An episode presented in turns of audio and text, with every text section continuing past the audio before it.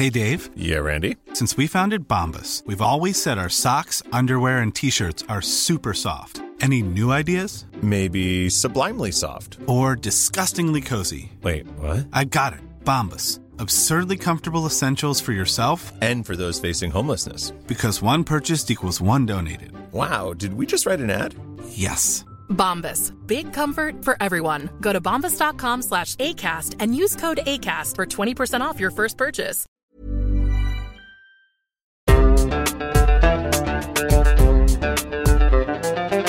بودكاست صوت.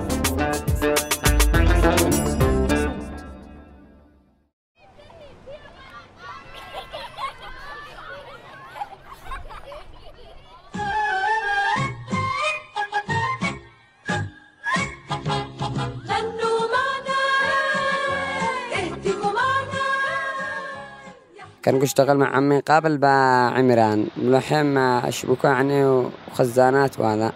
مات أبي توفى وأنا عاد أنا ما أعرفوش ولا. بعدها بصير كل الناس عمي قال شغلني وإذا وطلع معاه علمني اللحام هذا كل شيء. والحمد لله ودي ألفين والألفين يعني ما تكفي يعني حق دقيق إلا حق كيس العيد يعني لحم يجي لك رمضان. أما من أرغبني على ذلك القات فهو والدي لكي نوفر حاجة البيت. ولا احتياجات يعني المواد الغذائية هكذا. القات هذا يعني دحين بالنسبة لنا هكذا يعني مصدر متوفر للناس مرغوب. يعني هكذا يمشي معانا تمشي يعني بحاجة المصروف هذا. يعني هكذا تشوف الناس يعني مرغوبين.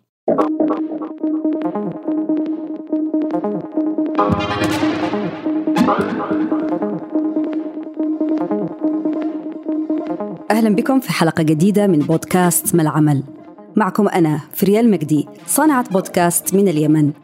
الموسم هذا بيركز على موضوع العبودية الحديثة وعلاقتنا بها على مستوى بيئة العمل.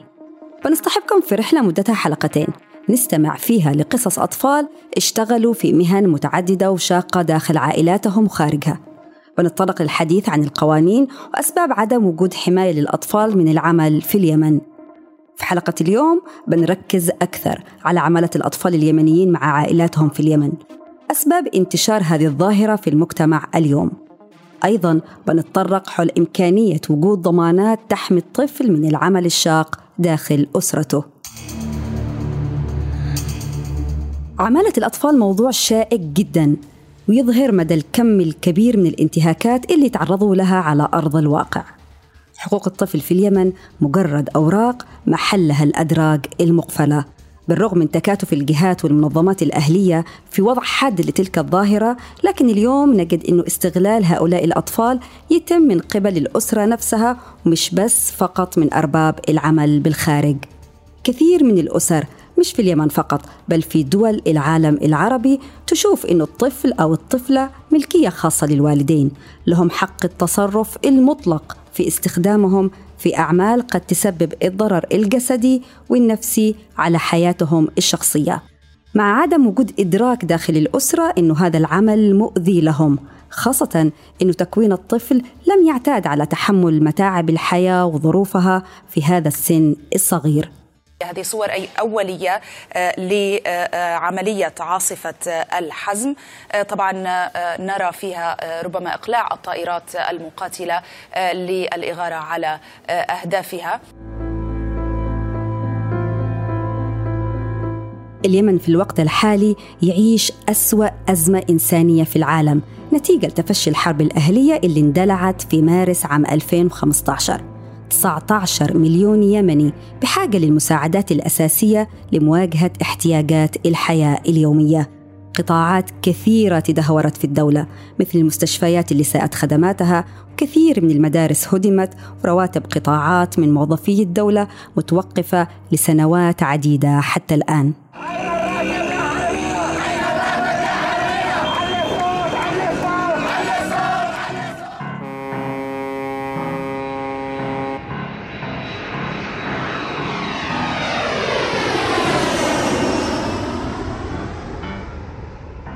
إلى ارتفاع أسعار السلع نتيجة غلق الموانئ والمطارات بسبب الصراع بين الأطراف المتحاربة في البلد.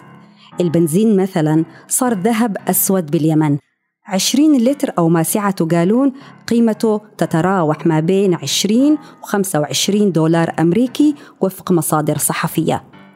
كل هذه الظروف بطبيعة الحال تؤثر على الأطفال في اليمن. ممكن يكون العمل بضغط من هذه الأسرة المضطرة لعمل الطفل على اعتبار أنه مال الأسرة كلها هو الطفل أو الطفلة. وبالتالي الطفل ما عندوش أي خيارات تقريبا خاصة لما الظروف تضطر الطفل للعمل بسبب وفاة الأب مثلا.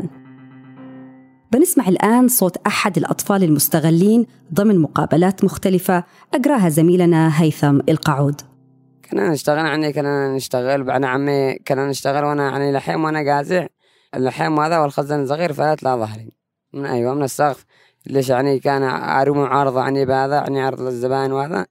فلت لا ظهري. وأنا تعوركو وروح البيت حقنا وقس قمعت يمها يعني كان يصرف ولا شيء. الآن إيش إصابتك بالضبط؟ العمود الفقري يعني ما أقدرش اقوم ولا شيء ولا أقوم بدروس ولا أقوم أشتغل ولا شيء.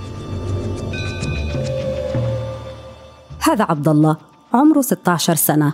طفل اضطر يشتغل مع عمه في ورشة حدادة في محافظة عمران اللي تبعد 55 كيلو متر شمال العاصمة صنعاء. عبد الله أصيب جسديا أثناء عمله بالورشة نتيجة حادث قبل سنتين. الإصابة وضعت عبد الله في إعاقة جسدية دائمة وصلت للنخاع الشوكي اللي أثر بشكل مباشر على عموده الفقري. أسرة عبد الله أجبرته على العمل. كون رب الأسرة اللي هو والده توفي وعبد الله هو الابن الأكبر. في بداية من سن عشر سنوات لحد ما انصاب عبد الله صارت ذكرياته عن الطفولة منسية تماما. نسي المدرسة أصدقاء الفصل الدراسي تشجيع المدرس لنشاطه ودرجاته العالية مثل ما حكى لنا. نسي تجمع أطفال الحارة بعد المدرسة للعب وقت العصرية ومشاهدة مسلسل الكرتون المفضل له.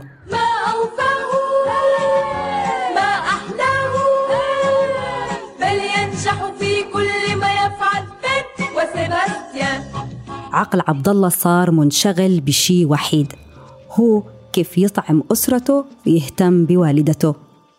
نموذج عبد الله أحد من النماذج الكثيرة اللي بتتشابه مع أطفال كثيرين ضمن إطار عمالة الأطفال داخل الأسرة. والمنظمات الدولية مثل منظمة العمل الدولية لها محاولات في رصد عمالة الأطفال في اليمن. وهنا بيشاركنا الأستاذ علي دهاق من منظمة العمل الدولية في اليمن تحليله. الجانب الاقتصادي ولا يخفى على الجميع الآثار الاقتصادية للأزمة والحرب القائمة في اليمن آه، مما أدى إلى آه، توقف دفع الرواتب آه، تأثر كثير من المنشآت والمشاريع الخاصة تأثر القطاع الخاص بشكل عام. لذلك سبل المعيشة بشكل عام في المجتمع تأثرت وقل حجمها كما وكيفا مما أدى إلى خروج الأطفال إلى سوق العمل في سن مبكر وكذلك تدهور النظام التعليمي مما أدى إلى خروج الأطفال وتسربهم من المدارس والتحاقهم بسوق العمل.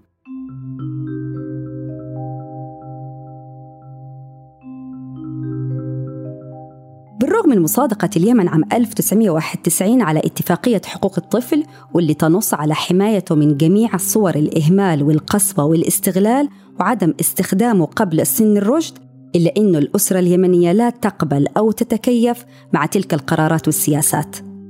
الدراسة أنا بكر يعني الصبح هذاك أدرس واجي يعني يكون قد والدي يعني أدالي لقيتها من هذاك الظهر الساعة 12 أول ما نخرج. يعني يلا أتغدى وقت السوق. وابتع الشري من في السوق من الظهر يعني هكذا لا, لا عصر. كلها على حسب الزباين. وإن با زباين بين زارت الحين لا بعد صلاة العشاء للساعة عشر. من ذلك الحمد لله موفرين. هذا مصطفى 15 سنة من العاصمة صنعاء. يعمل كبائع قات مع والده منذ ثلاث سنوات تقريبا. من خلال وردية تبدأ من فترة الظهيرة حتى الليل. في نفس الوقت يدرس في الصباح بالمرحلة الثانوية. من خلال عمله يواجه مصطفى صعوبات من خلال قلب القات من الحقول الزراعية اللي غالبا ما تكون في ضواحي صنعاء بمسافات مش قريبة فعادة ما تكون أشبه بالسفر القصير. بعدها يتوجه للسوق المخصص القات لبيعه للزبائن بشكل مباشر. رحلة شبه يومية شاقة ما بين المدرسة وبيع القات.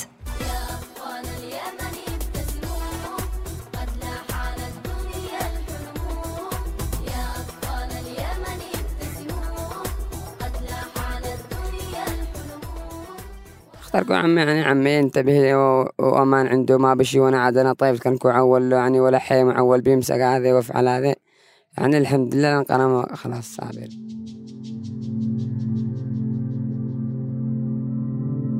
عبد الله اشتغل مع عمه لأنه في نهاية المطاف لحمه ودمه.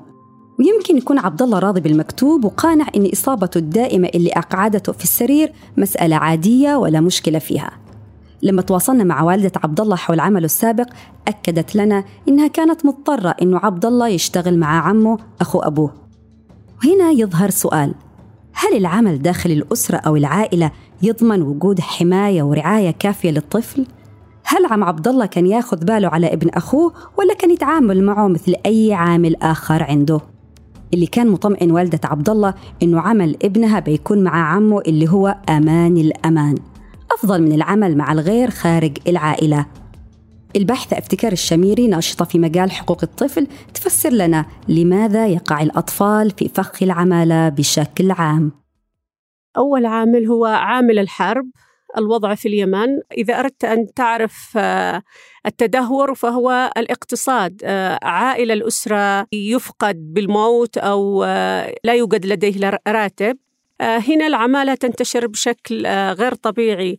آه، الفقر المدقع داخل الأسرة غياب رب الأسرة أو موت رب الأسرة. أيضا عدم وجود قوانين تردع أو تحمي هذم الأطفال من العمالة وخاصة العمل الذي لا يقدر الطفل جسده أن يتحمله. في السوق ذا قلت من الساعة 12 بعد يعني صلاة الظهر إلى الساعة أربع خمس كلها على حسب الزباين. كل ما يعني رغبوا في القات الملف هذا هو اللي يجس يعني بتاعون الشريفي كلها على الزباين. إنه لا هذا يعني قد إحنا نجلس زيارة الحين للساعة عشرة الليل. وهذا كله لكي نوفر حاجة البيت.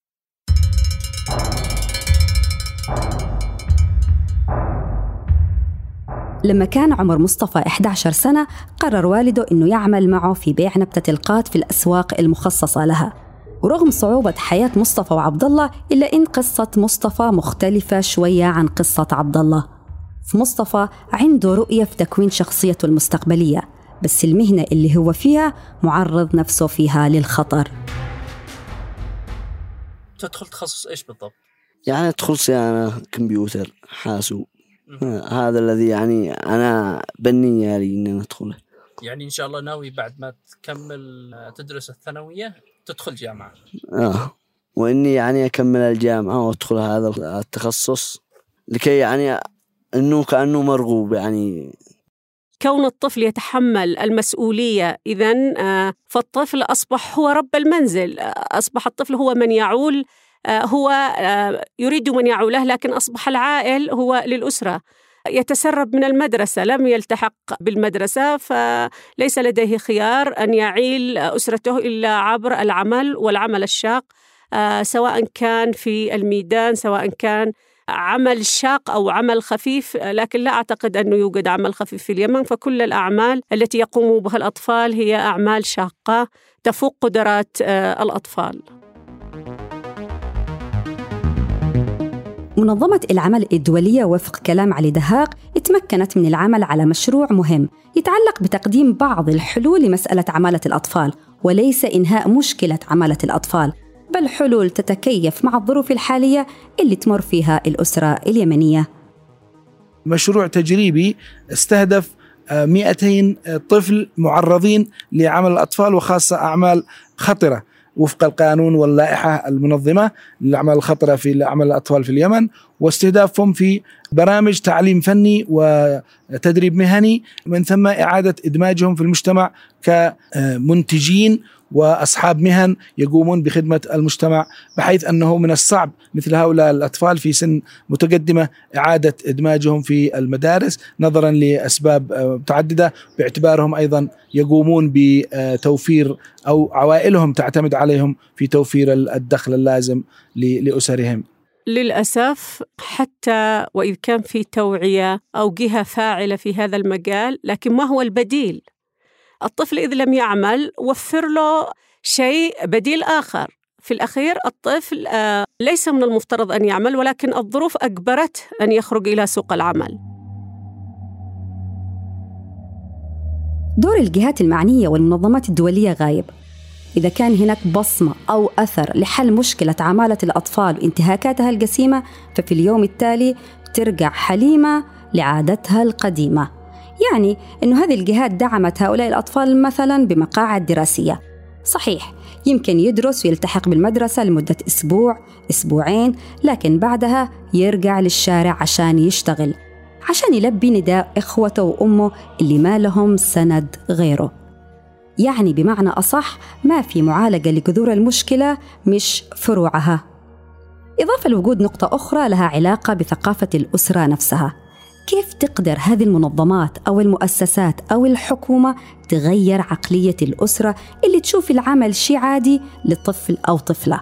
كيف يمكن للأسرة اليمنية أنه تشوف عمل الطفل داخل العائلة بشكل دائم غير إنساني حتى لو كان عمل بسيط؟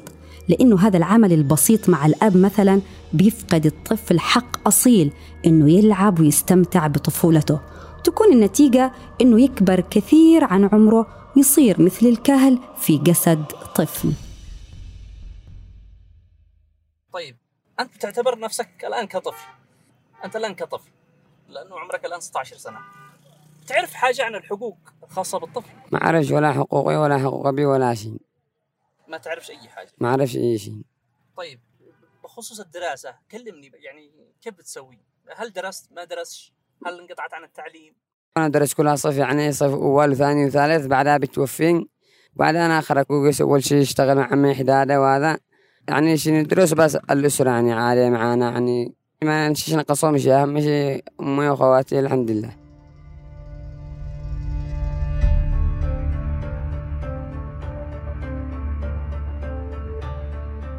نتساءل بشكل كبير طيب إذا نحتاج نحمي الطفل اليمني من الانتهاكات اللي تحصل من قبل رب العمل أو أي شخص آخر كيف نخليه يشتغل؟ نتخيل الآن كيف صعوبة الوضع لما يكون الانتهاك حتى لو غير مقصود قادم من العائلة حتى لو كان العمل مع فرد من العائلة قد يكون آمن أكثر كما أشرت المسؤولية تشاركية حقيقة. لا نستطيع أن نوجه لطرف واحد لكنها مسؤولية تشاركية.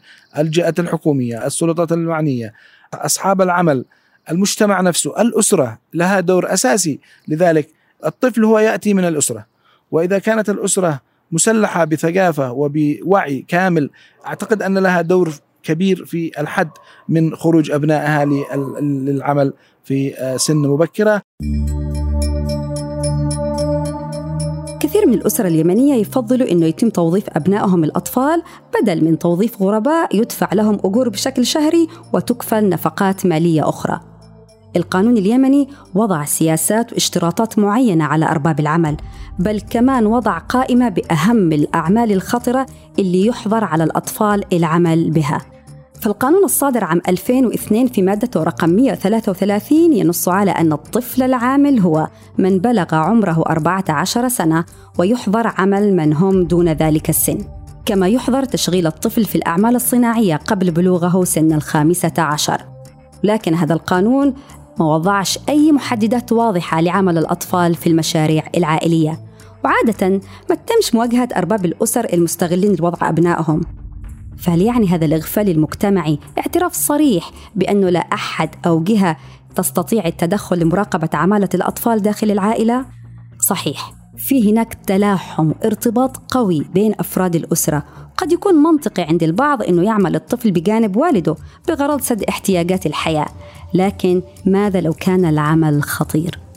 أحيانا بعض تلك الأسر تجبر أبنائها على العمل بشكل عادي فإذا فرضنا أنه عمل الطفل مع الأسرة اضطراري لإنقاذ الأسرة من الضياع فإيش هي الضمانات للرقابة على أرباب الأسر؟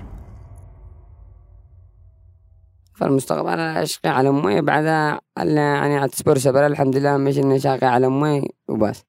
بعد لا بصبر عن سبر الله يعني عن شلي شيء. أهم شيء الراحة حق أمي يعني وعاري وهذا وأنا مرتاح. أي شغلة بعد الحمد لله شرب شو وقفقنا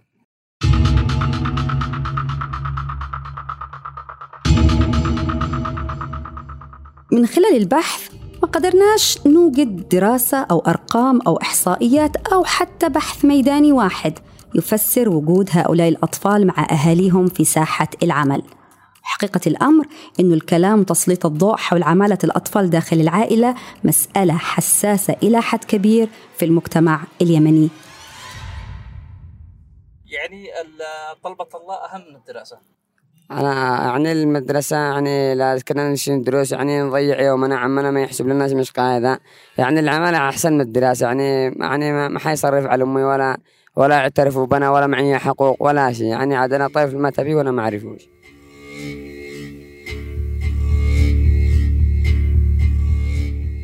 قناعة عبد الله بأنه العمل أفضل من الدراسة هو تأثير ناتج من ثقافة المجتمع بكل أركانه. بداية من أسرته الصغيرة انتهاء بالشارع اللي بيشوف الطفل رجل لما يشتغل ويتعب. تعامل الزبائن معي أثناء بيع القات يعني الزبائن الذي يكونوا عصبيين جي يعني يغير لك الملف هذا كالقات ليش؟ وكيف يعني السعر على هذا؟ يعني الساعة ذي تبخس بك. تبخس يعني بقاته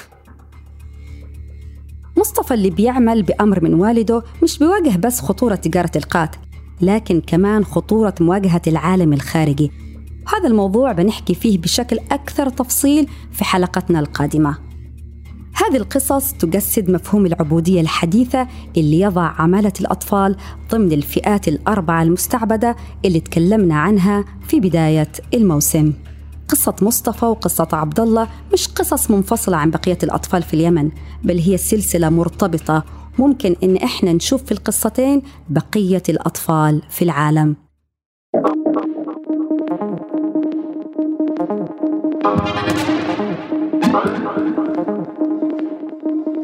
ما أدرينا إلا بعد أسبوع بيتصلوا لنا من الحديدم ابنكم عندنا هنا في القسم. إحنا لنا أسبوع إحنا بندور في صنعاء. حي ميت انجا نسأل الزملاء أصحابه المغسلين اللي متواجدين أصحاب السيارات اللي يعرفوه أصحاب المحلات. قالوا ما إحنا اشتارين يا أخي هذا الولد كان فترة هنا واختفى. كنا نقول يعني حتى لو هو ميت يدوا لنا جثته. كنت معكم من التقديم أنا فريا المجدي من البحث والكتابة وتسجيل المقابلات هيثم القعود. من الإنتاج والتحرير أحمد إيمان زكريا من الإخراج الصوتي سهام عروس فريق النشر والترويج مرام النبالي وبيان حبيب وعمر خطاب. هذه الحلقة أنتجت بالتعاون مع ودعم من مؤسسة Free the Slaves. تقدروا تتابعوا البودكاست على التطبيقات اللي تعجبكم وتشتركوا في قناة ما العمل عشان تصلكم التنبيهات بالحلقات الجديدة. بودكاست ما العمل من إنتاج صوت.